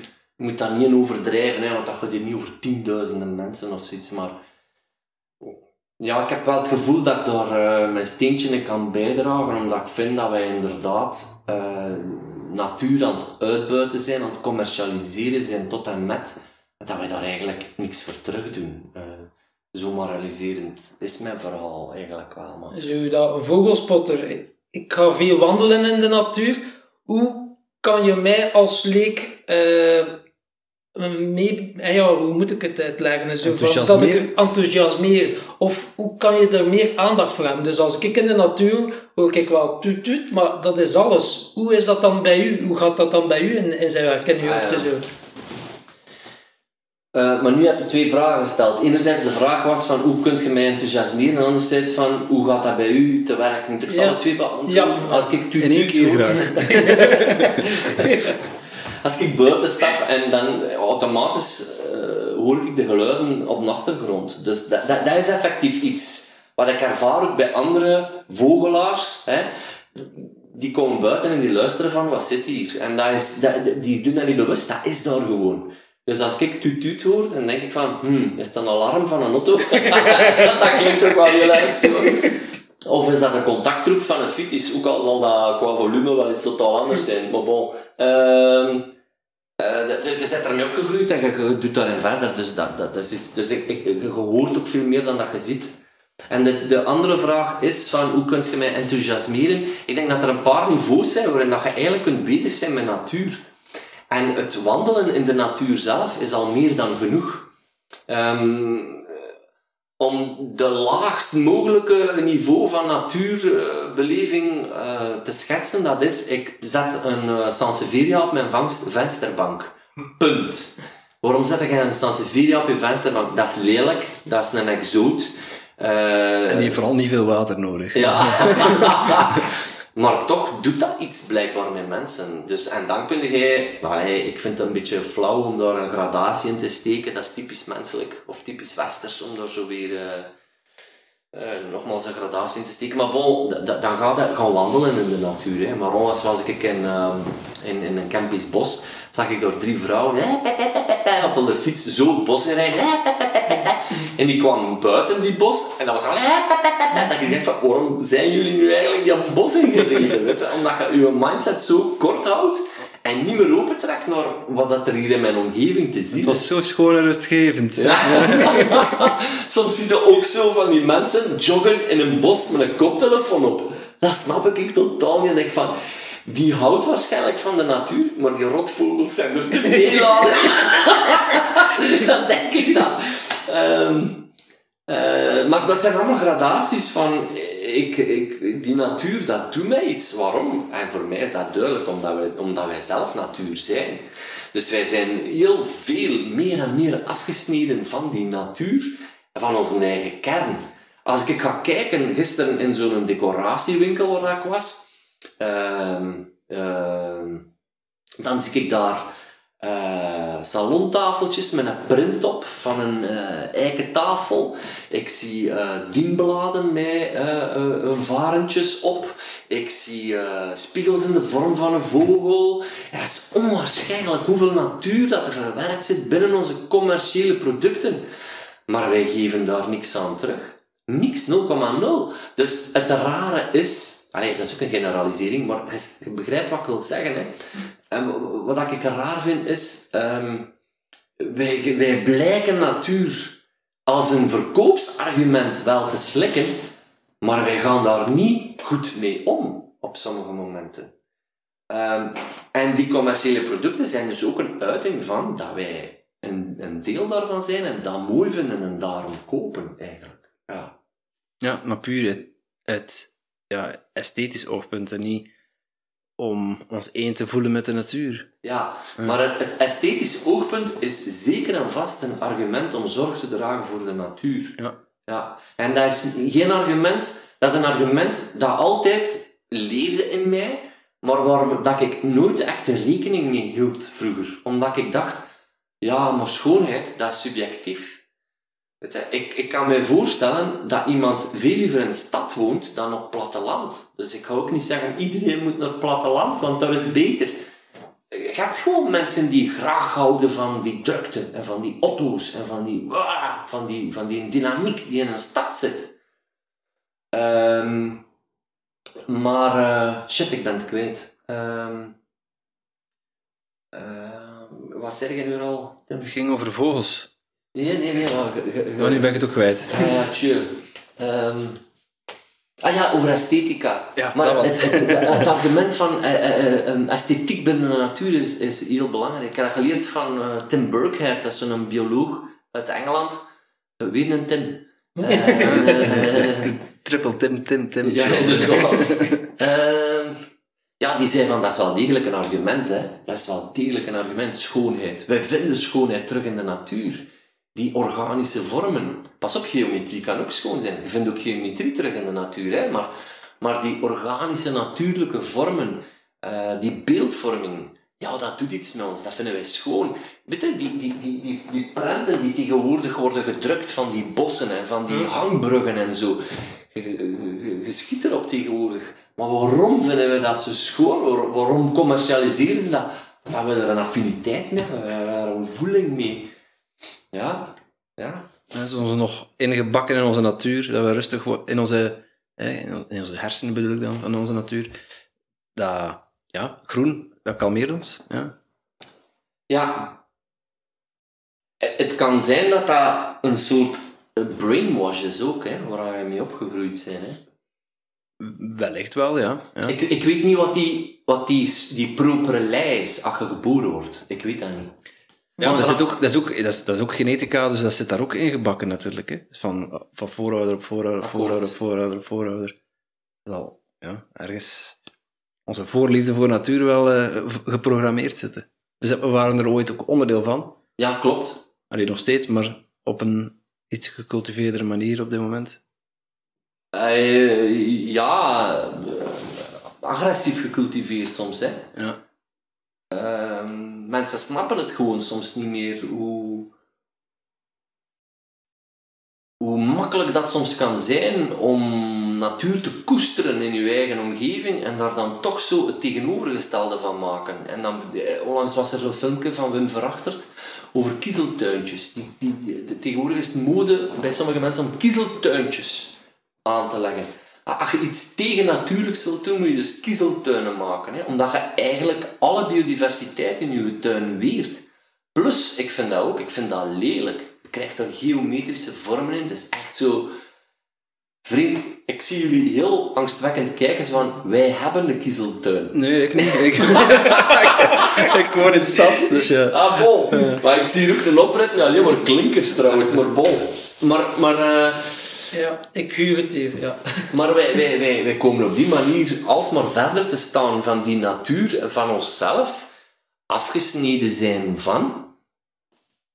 En dat is ook wat, wat dat de media uiteindelijk doet. Hè. Ze houden nu een bepaald beeld voor waarvan een mens denkt te zijn dat hij of zij dat is.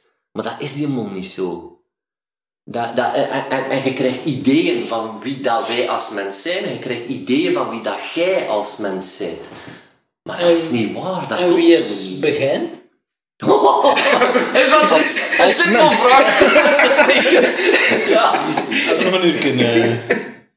Ja, pff. ja, hetzelfde als jullie, maar ongetwijfeld met, met, met, met een aantal ervaringen op zak die anders zijn, waardoor dat je ook anders reageert. En ook vanuit genetisch opzicht anders geconstrueerd, waardoor dat je ook weer anders bent. Maar ja, Ben je dan ook eens iemand dat om echt wel naar die kern te komen eh gaat mediteren en zo? Of is je meditatie in de natuur? eh, Dat is, dat is, eh, dat is echt wel de natuur. Ja. Maar ik, ik, ik heb dat wel allemaal al eens geprobeerd. Hè. Ik heb geprobeerd te zitten, zoals ze dat zeggen, te mediteren. En ik... eh, yoga, ik doe dat nog altijd trouwens, maar niet als yoga, maar meer als oefeningen eh, voor mijn rug. Maar dat zijn eigenlijk yoga-oefeningen, waar dat ik enorm mee gebaat ben. En eh, dat vind ik zo goede stretchoefeningen, ik zou niet meer zonder kunnen. Ja, dat is waar, ja. Ja. En ehm, het zitten, ehm, dat is niet aan mij besteed. Niet omwille van het zitten, maar omwille van... Confrontatie met jezelf? Ja, dat zal wel zeker geïrriteerd zijn door de situatie of door, door het, het nutteloos zitten. En dan, dan, dan, dan is dat wel een confrontatie met jezelf. Ehm, eh, maar ook, als ik in de natuur ben, zeg ik eigenlijk met mindfulness bezig. Ja, dat is heel... Hè. je kunt niet meer mindful zijn. Voilà. Ehm, natuurlijk, het vogelspotters die kijken enkel door daar een etiket op te plakken. Hè. Die zeggen van, dat is een spreeuw. Oké, ik heb ze gezien, dat is een spreeuw. Ja, oké, ja. Ik, ik, ik bedoel dan echt van, je gaat kijken, je gaat eerst luisteren, je gaat op, dan op zoek naar waar dat geluid vandaan komt en dan heb je die vogel gespot. Dan ga je kijken hoe die zich gedraagt, hoe dat die beweegt. Allee, dat, zo Ja, dat klopt. kijk ik er dan naar, maar... Dat klopt. En- ja, maar nee, dat, dat is en- 100% Ja, waar. en, en meer mindful kunnen eigenlijk niet zijn. Maar inderdaad, als je er gewoon een etiket op plakt en volgende, maar dan zijn de prijzen aan het jagen, hè. Ja. Ja, ja, maar pas op, de vogelwereld zit vol met prijzenjagers. Hè. Het is een zeer competitief wereldje. Hè. Allee, ja, bedoel, typisch voor mannen nu weer, wij zijn echt jagers. Hè. Dus wij willen zoveel soorten zien op een dag, zoveel soorten in ons leven. We jagen daarvoor, we gaan daarvoor naar Engeland, naar Spanje. Als er een, een, een rotskruiper is, kruipen we voor een notte naar Dinant. Al was ik dat twee minuten zien, afgetikt, ik ben de man. Hè. Dat bestaat echt, hè. Er zijn er heel veel zo, die, dat, zijn, dat zijn twitchers. Ik vind dat fijn, ik vind dat fantastisch, omdat je... Ja, die reportages van dat soort mensen, die zien ook wel wat veel, die beleven ook wel wat veel. Maar dat is minder, minder mindful. Ik zeg niet dat het Ja, mindful is, ja. het is minder mindful. En de, de, het verschil met zen is dat je... eh, de focus is, is, is, is een beetje raar binnen meditatie. Maar de focus ligt niet op jezelf, maar de focus ligt op je uitwendige wereld. Niet op je inwendige wereld, maar op je uitwendige wereld. En waardoor dat ik mijn geest echt wel stilzet. Of stiller zet. Je kunt je geest niet stilzetten, vind ik. Ik vind elke poging belachelijk, hè. Van meditatie. dat, dat, ge- ge- ge- ja, met een namer gaat dat nog lukken als je hard, Ja. hard genoeg slaat. eh. Dus als je niet buiten bewustzijn raakt, dan misschien wel. Ja, ik, ik weet niet. Ik heb, ik heb ooit wel zo een, een, een moment gehad dat ik zo'n verruiming even had. Dat was helemaal niet bewust bij meditatie. Ja. Maar dat was gewoon... Goeie LSD dan. Nee, nee, ook niet. Een, een soort... Ik eh, weet, en ik denk dat jullie dat ook wel ervaren, er zal wel in de geneeskunde een bepaalde naam voor zijn. Ik lag in mijn zetel te slapen en ik werd wakker. En ik hoorde muziek. En ik wist niet, ook al had ik honderden cd's en namen en titels, ja, ook de prijzenjager binnen de muziek, dat wilde ik ook zijn, of, of vond ik heel belangrijk. Maar ik hoorde muziek dat ik opgezet had en ik wist niet meer van wie dat, dat was. Ik kon daar niet meer op komen wie dat, dat was. En ik herinner mij nog dat ik dacht van, man, dat is goede muziek. Wow, man, dat is goed. En dat is heel raar. Mijn geest zei op dat moment, wie is dat? Wie is dat? En een ander deel van mijn geest zei van, ik wil dat niet weten. Luistert ernaar. Luistert er naar. En het deel dat zei, wie is dat, heeft dat gewonnen, tussen aanhalingstekens. Want ik weet niet of dat je dat bewust kunt sturen. En ik, ik dacht, Jeff Buckley. Dat is Jeff Buckley met... eh, you Should Have Come Over. Sweet Lover, You Should Have Come Over. Dat was dat nummer. Mooi nummer, ja. Ja. Maar dat begint met in een, met in een soort trekzakjes, dat soort accordeon, zo begint dat. En ik zweer u, dat nummer was de avond zo schoon niet meer. Toch het wist? Allee, dat u, Ja. u in. Ja. Eh, wie, is dat, wie is dat het, het, eh, zijn voedsel had gegeven? Ja. Ja. Omdat je weer, vanaf het moment dat je het een naam geeft, doet je die deur weer voor de helft toe. Omdat je die kadert binnen een bepaald genre, je kadert die binnen een bepaald stijl. Je weet hoe dat je zanger eruit ziet, je weet hoe dat je aan zijn einde gekomen is. En er komen plotseling allemaal andere impulsen binnen van boem, dat is die muziek. En dat remde volledig de schoonheid af van dat moment, waar dat er eigenlijk niks was dat die muziek beschreef. Dus dat was ongelimiteerd voor mij.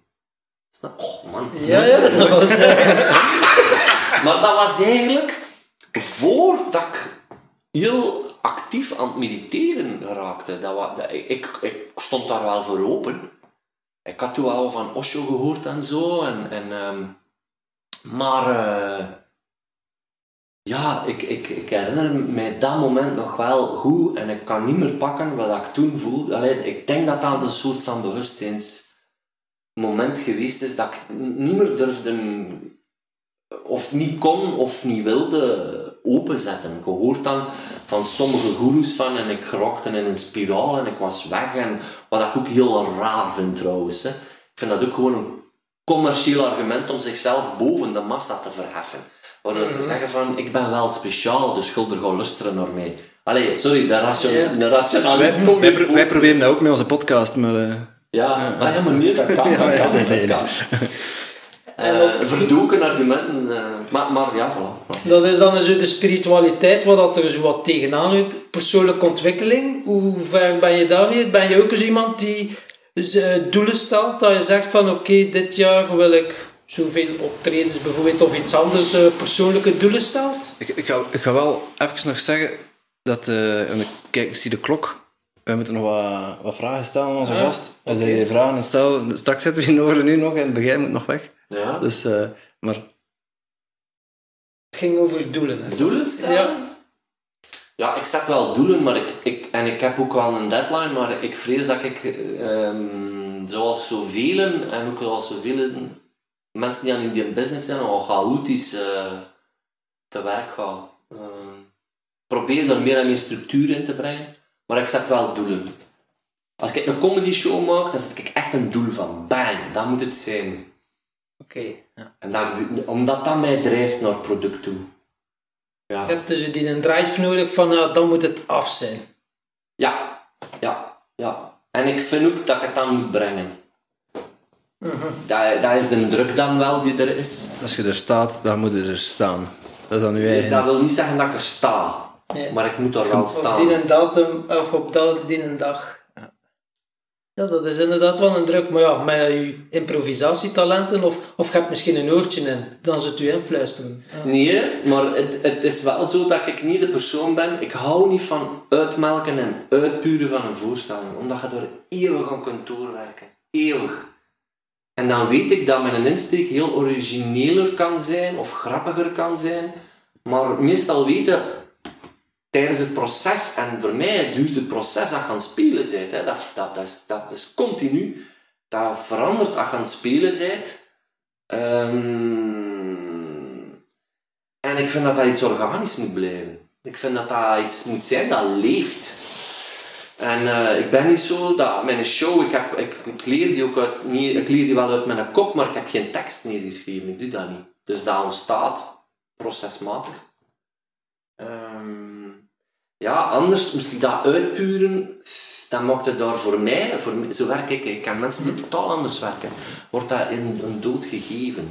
Dus, eh, Ja, het moet blijven leven voor, u, ja, voor uzelf. ja. Ehm, we hebben nog een aantal korte vragen voor u. Niet de meest makkelijke. ja. Timo, wat is voor jou de definitie van geluk? De definitie van geluk. Ik, ik, ik heb mij een beetje voorbereid. Ik ga kijken of dat ik door, of dat ik door snel antwoord op kan geven. Dat zeker vanaf. ah ja, oké, oké, oké, goed. Ik heb ooit zo'n een Nederlandse guru ergens gezien. En ik kan niet meer op zijn naam komen. De mens is al gestorven. Ehm, je moet hem echt zien op YouTube. Maar ik ga de naam eens doorspelen, maar ik moet er zelf achter zoeken. Een vrij clevere mens. En die zei, als je geen fatsoenlijke kleren hebt, als je geen onderdak hebt, als je, geen, oh, als je honger hebt, ja, dan kom je niet toe aan eh, geluk. Dan kom je niet toe aan bewustzijn. En dus alles wat daar boven gaat, vind ik, en ga- dat heeft hij niet gezegd, maar dat is dan weer mijn filosofie, alles wat daar boven gaat, is eigenlijk geluk. Dat is eigenlijk meegenomen. Dus alle extraatjes buiten uw basisbehoeften zijn... Ja. Het Dan feit dat wij hier zitten, dat is toch gewoon luxe. Nou. Voor jou misschien, maar... eh, Voor Tom is dat pure noodzaak. ja, is mooi. Ja. Het is te zeggen, je hebt natuurlijk mensen die, die geestelijk ehm, problemen hebben. Ehm, waardoor dat, ondanks het feit dat die basisbehoeften zijn ingevuld, nog altijd niet het geluk, wat dat, dat dan ook mogen zijn, gevonden hebben. Dus ik wil wel even rekening houden met het feit van ja, maar gast, hebt, of eh meisje, eh, eten, jij hebt onderdak, hebt kleren, waar zaagde jij over? Daar moeten we mee oppassen ook. Omdat, Het is heel kort door de bocht natuurlijk. Ja. ja, als die, als die gewoon geestelijk niet in orde is, of, of ja, ja, dan kun je niet zeggen van stop met zagen, vind ik. Dan moet je daar wel rekening mee houden. Ja, hij wordt toch genuanceerd nu. Als het over de media gaat, slaat hij alles kapot. dat zie je toch? Ja, ja, ja. Ja, maar, maar ja, een definitie is, is eh, zeer moeilijk. Hè? Maar, maar ik vind wel dat dat eh, noodzakelijk is om, om gelukkig te zijn. En ik reken mezelf daar soms zelf ook eh, vaak op af. Op, op, op, ik ben een- lezer, dus ik, ik, ik koop veel meer dan dat ik kan lezen. En dat is ergens een soort verslaving, voel ik zelf ook. Ook gewoon de, de cultus van het kopen zelf. Hè. Zo, ah, zo, die boeken ruiken en die En kast. is dat en- dan allerlei genre, genres? Of, eh, want je hebt ook wel een boek geschreven over het wielrennen, zeker? Ja, ja, ja, dat klopt. Ja, dat ja, klopt. ja, ja. Ja, dat is iets wat ik... eh, eh, Ja, eh, ook wel, dat ei wil ik ook wel kwijt. Maar meestal is dat nu eh, non-fictie. Eh, veel, veel natuurboeken nu, maar ik heb zo een periode gehad dat ook weer allemaal spiritualiteit was. Ik zie hem hier ook staan van Tolle tot Osho naar... pff, Oh, noem ze maar op. Eh, heel wijs, heel tof. Ehm, ja, ehm, ik heb dan ook een jaar coaching gedaan, maar ben daarmee gestopt. Toen eh, wist ik nogal wat van tarot, waarin dat ik dacht van, psychologisch gezien kunnen we daar toch wel een heel fijn spel mee maken, maar nooit gedaan. Maar dat maakt wel dat, ja, dat dat wel heel breed gaat. Nu is dat non-fictie en, eh, en, en eh, veel natuurboeken. Ja, dat, dat is hetgeen wat dat mij een beetje verslavend houdt, maar eigenlijk, als ik, stop met boeken kopen, ja, dan kom ik nog toe met alles wat er op Ja. internet te zien is, of alles wat dat je te pakken kunt krijgen van het lezen. Je kunt naar een bibliotheek gaan en boeken lenen. Snap je? Je, hebt zoveel oplossingen in onze westerse maatschappij, dat is onwaarschijnlijk gewoon. Maar ergens zit daar een gen bij mij dat zegt van, ah, ik moet dat kopen. Ja, maar ik ken het. Ja. Dan denkt je, er staan er ook nog een paar ongelezen, maar toch hadden zo... Het wordt iets getriggerd, zo van, ja, dat is hem hier inderdaad. Ja, en dan, wat het ook grellig is, is dat bij Tolle leesde dan van, ja, die man die weet het gewoon, hè. Die, Ja. die weet het gewoon, hè. En dan zit in uw zetel, en dan zit je twee minuten aan het lezen, en dan valt in slaap. Ja, maar dat is... Die zo'n drotjes kwijliert. Dat is de kracht van het nu natuurlijk. Dat klopt. De nieuwe aarde. Ja. Ja, de nieuwe, dat vind ik zo grappig. Zo van, dit is het boek der boeken, hè. Hier staat het in, hè. En dan achter twee minuten... Prachtig, ja. Ehm, ja, eh, en, en ik, ik had zo... Om, af te, allee, om dit antwoord af te ronden, dat, ik had zo... Ik heb, ik heb haar, een, haar een naam niet genoteerd. Het is een juriste, een Nederlandse juriste. Ze heeft zo, zo hier... Ze is zo geschminkt onder haar ogen. Zo. Ah, ja, ja, ja. Het ziet er echt uit als een, als een enge gothic. Gothic, het is een, ja, het is een ja, advocaat, ja. Ik heb ooit, met haar... eh, Ik ben haar naam ook kwijt, ja. ja. Ik heb ooit met haar in, in, een, in een talkshow gezeten met Lieve van Gils. Niet, niet mee gebabbeld, maar. Straffen, straffen madame wel, ja. Straffe madame. En we zaten wel samen in, in, dezelfde show. Hè. Maar, maar eh, die zei, die spreekt vaak over. ehm, en dat gaat dan over de basisbehoeften, vind ik wel eigenlijk, wat hij zegt. Zo van, ehm, zij vindt dat je mogelijkheden moet bieden om te kunnen denken, om zelfstandig te kunnen zijn, zegt zij. En zij noemt dat, tot in ten treuren, zegt ze zelf, de derde dimensie.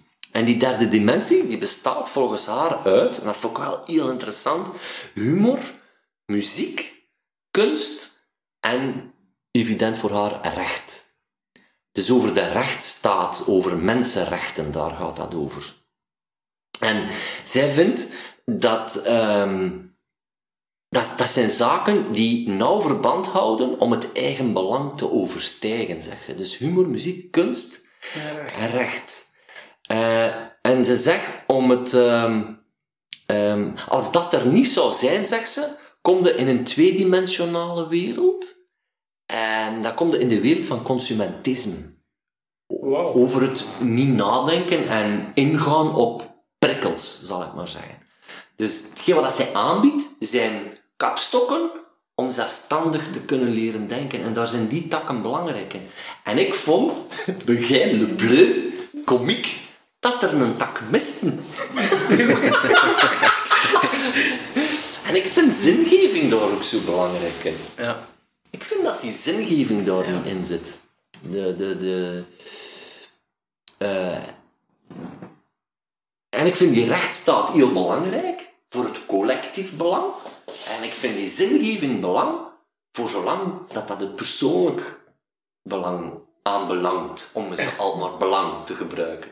Dat is Dus belangrijk. ik vind, ik vind zingeving voor persoonlijk belang heel eh, nuttig en zinvol. Ook al kun je een collectief vormen en een gemeenschap vormen, hè, parochies en weet ik veel wat. Maar ik vind zingeving zo belangrijk. Vooral omdat wij nu in een periode zitten waarin dat wij ook constant aan het zoeken zijn. En natuur is er daar zo eentje van, waarvan dat mensen zingeving vinden, maar dat eigenlijk nog niet uitgegoten gezien hebben in een soort van bijbel of stenen tafelen, snapte? Mensen hebben dat blijkbaar toch nodig. Dus ik denk dat natuur een bepaalde vorm van zingeving heeft. Ik noem dat eh, animisme. Dat is het, het, zien of het ervaren. En dat klinkt heel foemp. Want ik noem dat eigenlijk niet zo, maar je zult, in Wikipedia zul je dat vinden. Dat is namelijk het ervaren en het zien van een bepaalde ziel in zowel biotische als abiotische factoren. Dus zowel in insecten en vogels en planten, maar ook in, in stenen en rotsen. Alles is één, hè. Alles bestaat uit energie Ja. uiteindelijk, hè. Dat is de essentie. Ja, voilà. Heel mooi antwoord, Begin. En uw, uw definitie voor succes? Mijn definitie voor succes. Ah, wel, ik, ik heb eigenlijk. Succes is eigenlijk. ehm, Succes heeft voor mij de dag van vandaag heel erg te maken met consumentisme. En in die zin vind ik dat ehm, succes een doel op zich is geworden. Net zoals ambitie. Of eh, ja, iets dat je kunt nastreven. Nee, iets dat je moet nastreven gewoon. Waardoor dat je ook weer in zo'n tunnel geraakt. Omdat je verlangen gaat opwekken. En alles in functie stelt van dat doel. Waardoor dat je echt, als je doordrijft, over lijken gaat kunnen gaan. En wat, voor jou, en wat betekent voor jou succes dan? Wel, als ik in het begin van mijn eh, loopbaan bekijk als, als cabaretier, dan was voor mij de doelstelling, ik wil mijn brood kunnen verdienen met cabaret. Ik hoef daarvoor niet bekend te zijn, maar ik, ik wil daar gewoon mijn brood mee verdienen. Die zalen moeten zelfs niet vol zitten. Als ik één keer per week kan spelen en ik verdien daar zoveel aan, dan reken je dat uit op een maand. Kijk, dat zijn die doelstellingen die ik me wel stel. Dan kan ik daar mijn brood mee verdienen. Maar eenmaal als je over dat punt zit, van je hebt dat bereikt, dan zet je jezelf terug doelstellingen. Ja. En dat is een stratje zonder eind, merk ik. Dat stopt gewoon Je moet niet. twee broden verdienen. En dan vier. En Ja. dan... Ja, ja. Ja. En dat, is heel, eh, dat lijkt heel banale logica, waar dat je intrapt, maar dat is ook zo gewoon. Dat stopt niet. En dat is heel raar. Heel veel mensen die in dat wereldje zitten, ervaren dat ook zo. hè. Ik keek van de week voor de zeldzame keren naar een programma dat noemde Over de Oceaan. Dat waren dan geen BV's in een mobilo, maar BV's in een zeiljacht. 5000 kilometer over de Atlantische Oceaan. Ik vond dat echt goede televisie. Dacht van shit man, omdat die uitdaging ook echt was. Dat was niet fake. En ehm Jani zei dat daar, van, oh, als ik hier ben, dan denk ik van, shit man, wat, wat zit ik nu eigenlijk mee bezig? Ik ben bezig met, ik moet mijn ouders, mijn, mijn moeders en mama meer bezoeken en ik moet dit. En zeg maar, ik kom in België en ik zit terug op die trein, hè. je bent terug vertrokken. Hè. Dus dat is iets, ik heb dat altijd genoemd, je hebt zo van die Chinese biggetjes die in, een, in, een, in een ratje draaien zo. En vroeger in de speeltuin dan bestond dat ook. Je had Ja, van die tonnen waar je niet kon. ton, ja. Je moest blijven trappen.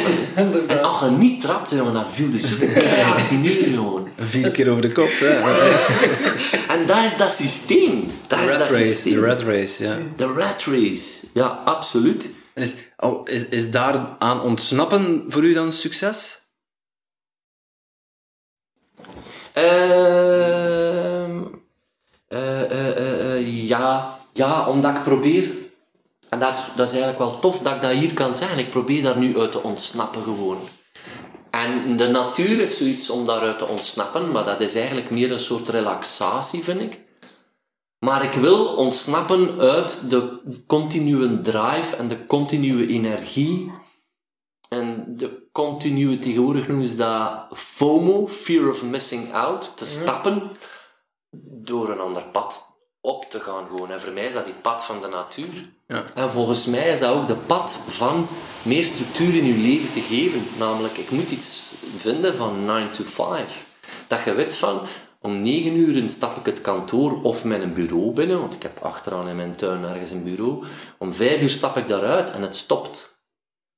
Maar omwille van het feit dat je constant dingen nastreeft die niet ophouden, het mechanisme waar ik daar juist over bezig ben, zeg ik eigenlijk 100%, zo niet 110% van de dag bezig met mijn job. En ik heb de indruk dat ik ehm, hele belangrijke dingen in mijn leven aan het missen zijn daardoor. Ook al vinden mensen, hetgeen wat ik nu doe, vinden dat van, allee, een gast, je kunt dat brood verdienen met het podium te staan. En ik begin daar meer en meer zo het zicht van te krijgen van, ja maar, dat stelt eigenlijk, eigenlijk is dat net hetzelfde als hetgeen wat dat jullie doen. Eigenlijk, dat is ook gewoon maar een job, dat is een métier, dat is... En ik vind dat publiek het fijnste wat er is, dat je er iets van terugkrijgt. Dat is, dat is zo zalig om, die, om, om te geven. Maar ik denk om mijzelf te beschermen, dat ik op een andere manier ga moeten beginnen geven. Oké, ja. Dus eh, heel eh, spiritueel eigenlijk. Ergens wel, hè? Ja, ja, ja. Maar dat is een stukje zingeving misschien ook wel weer dat terugkomt. Ja. Ja, je podcast is daar een mooi medium voor, hè? Ja, alhoewel dat wij daar nauwelijks eh, zingeving aanraken. Af en toe wel, ze. Ja, maar het is uw, uw manier om iets terug te geven aan de natuur. Ja, ja, dat klopt. Dat klopt wel, dat klopt wel. Ja. Ja. ja. Ja, dat klopt. Klopt. Ik zit nu te denken, ik heb een interview gedaan en ik zit nu al te denken over hoe dat ik mij nu gepositioneerd heb ten opzichte van jullie en hoe dat kijkers of luisteraars gaan reageren op hetgeen wat ik hier nu allemaal te zitten zeggen. Dat is mijn leven geworden. Dus ik zit nu, terwijl ik nu aan het babbelen ben, zeg ik aan het denken, ik kom toch niet arrogant over. Ik ben toch niet verkeerde dingen aan het zeggen. Ik denk dat iedereen dat wel heeft, als hij weet van, ik ga iets in de virtuele ruimte smijten waar dat iedereen op kan kakken en kan zalven, want dat gebeurt ook. Dus bij deze luisteraars, je moet er niet inhouden. Zet maar onder in de Voor mij gaat het vooral over iemand die recht voor de raap is en iemand dat puur is en niet gespeeld. Niet gespeeld. Eh, zo kwam het bij mij over. Ja. En heel veel verschil mee op televisie. Ik weet niet, in Foute Vrienden, oké, hetgeen dat ze influisteren is waar speel. Maar uw emotie en uw dingen, dat is niet gespeeld. Dat zei de, Ja, dat ja, zei, dat, hè. ja, ja. Ik heb, ja dat, dat kan ik. Ik, eh, ik ben wie dat ik ben. Tot- eh, en dat is soms ook wel, eh, denk ik, hetgeen wat aan mij een beetje parten speelt in hetgeen waar ik nu mee bezig ben. Ik denk dat heel veel mensen die wel overleven, ik overleef, hè, ik bedoel, ik verdien met een boterham, en- maar mensen die daarmee verder gaan, denk ik, hebben, hebben het métier meer onder de knie. Kunnen meer de wereld van media onderscheiden van een privéwereld. Terwijl bij mij, ik, ik heb geen fake gehalte gewoon. Eh, Als, je- als je vraagt aan mij, doe fake, dan doe ik zo. Ik kan dat niet gewoon. Ik heb van, fuck, kijk, ik het zeggen, hè, want mijn dochters vinden dat verschrikkelijk. En zeg maar, ik kan onmiddellijk van, fuck you, gast. Ik ga het echt niet Ik ga er echt niet, niet degene uithangen, ja, jij wilt dat ik ben. Ik kan dat niet. Eh, En misschien moet ik dat, zou ik dat meer moeten doen, omdat je dan minder patatten op je gezicht krijgt. Langs de andere kant denk ik van, het is mijn kracht Ja, waarschijnlijk. en voor Ja. wie? Voor wie? Voor een ander? Of voor jezelf? Eh, ja, het is een retorische vraag, denk ik. Hè? Ja, Ja. zo was het Ja. bedoeld in ieder geval. Ja, ja, ja. ja, ja. Hoe, ehm, we... Misschien moeten we screamen op tijd. Normaal, schat. Ja. We gingen een uur praten, we zijn al eh, bijna anderhalf uur bezig. Is, voor mij is dat zeker niet erg. Ehm, maar ik denk, volgens mij moest jij nog ergens naartoe, dus we gaan, Ja. eh, we gaan ver afronden. Eh, rest ons nog, eh, eh, nog één ding. Dat is voor de volgende gast. inderdaad... De vraag voor de volgende volgende gast. Oké, cool. Ehm. Oh ja, ik, ik vind dat wel een leuke. Wat is creativiteit voor u? Creativiteit. Oké. Een interessante vraag. Dat is creativiteit. Dat is een mooie. Normaal gezien is het Joris Hessels hè, die we hebben. Van Ah, bon. Gent Brugge en eh Ah, die Radio komt van. Sint-Niklaas, die gast. Is het waar? Ah, ja, dat is iemand Van van, origine ja. kanten. Ja, ja, Wat is creativiteit voor u? Ja, Ah ja, super. ja voilà. Mooi. Eh, ja, tot slot eh, nog één vraag eigenlijk. Wat is uw favoriete vogel?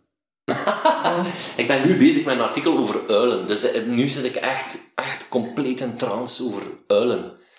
En welke Eh, soort is dan uw favoriet? Ja, dat is moeilijk. Dat is moeilijk. Er zijn er vele mensen. Ja, dat valt wel mee. In Vlaanderen bedoel ik. Hè. Ah, ja, er zijn ja. veel wereldwijd, maar ik, ik ga er hier uitpakken. eh, de velduil. Dat vind ik zo schoon. Dat vind ik zo schoon. Kun je die omschrijven?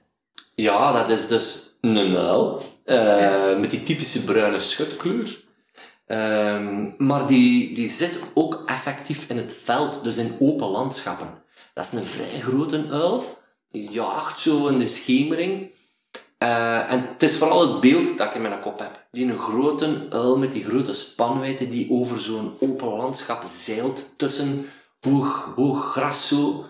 Ehm, ja, dat is wel eh, een graaf beeld. Ja, dat is, voilà, dat is de reden waarom. Omdat ik die, een esthetische reden, omdat, omdat ik dat beeld in mijn kop zo schoon heb. Mooi. En misschien nog één ding. Waar kunnen mensen meer van jou vinden? Heb jij een website of... eh, Ja, dus mijn website beginnelebleu.be en dan voor de optredens, maar ik doe ook lezingen en voorstellingen rond eh, met die vogelpassie.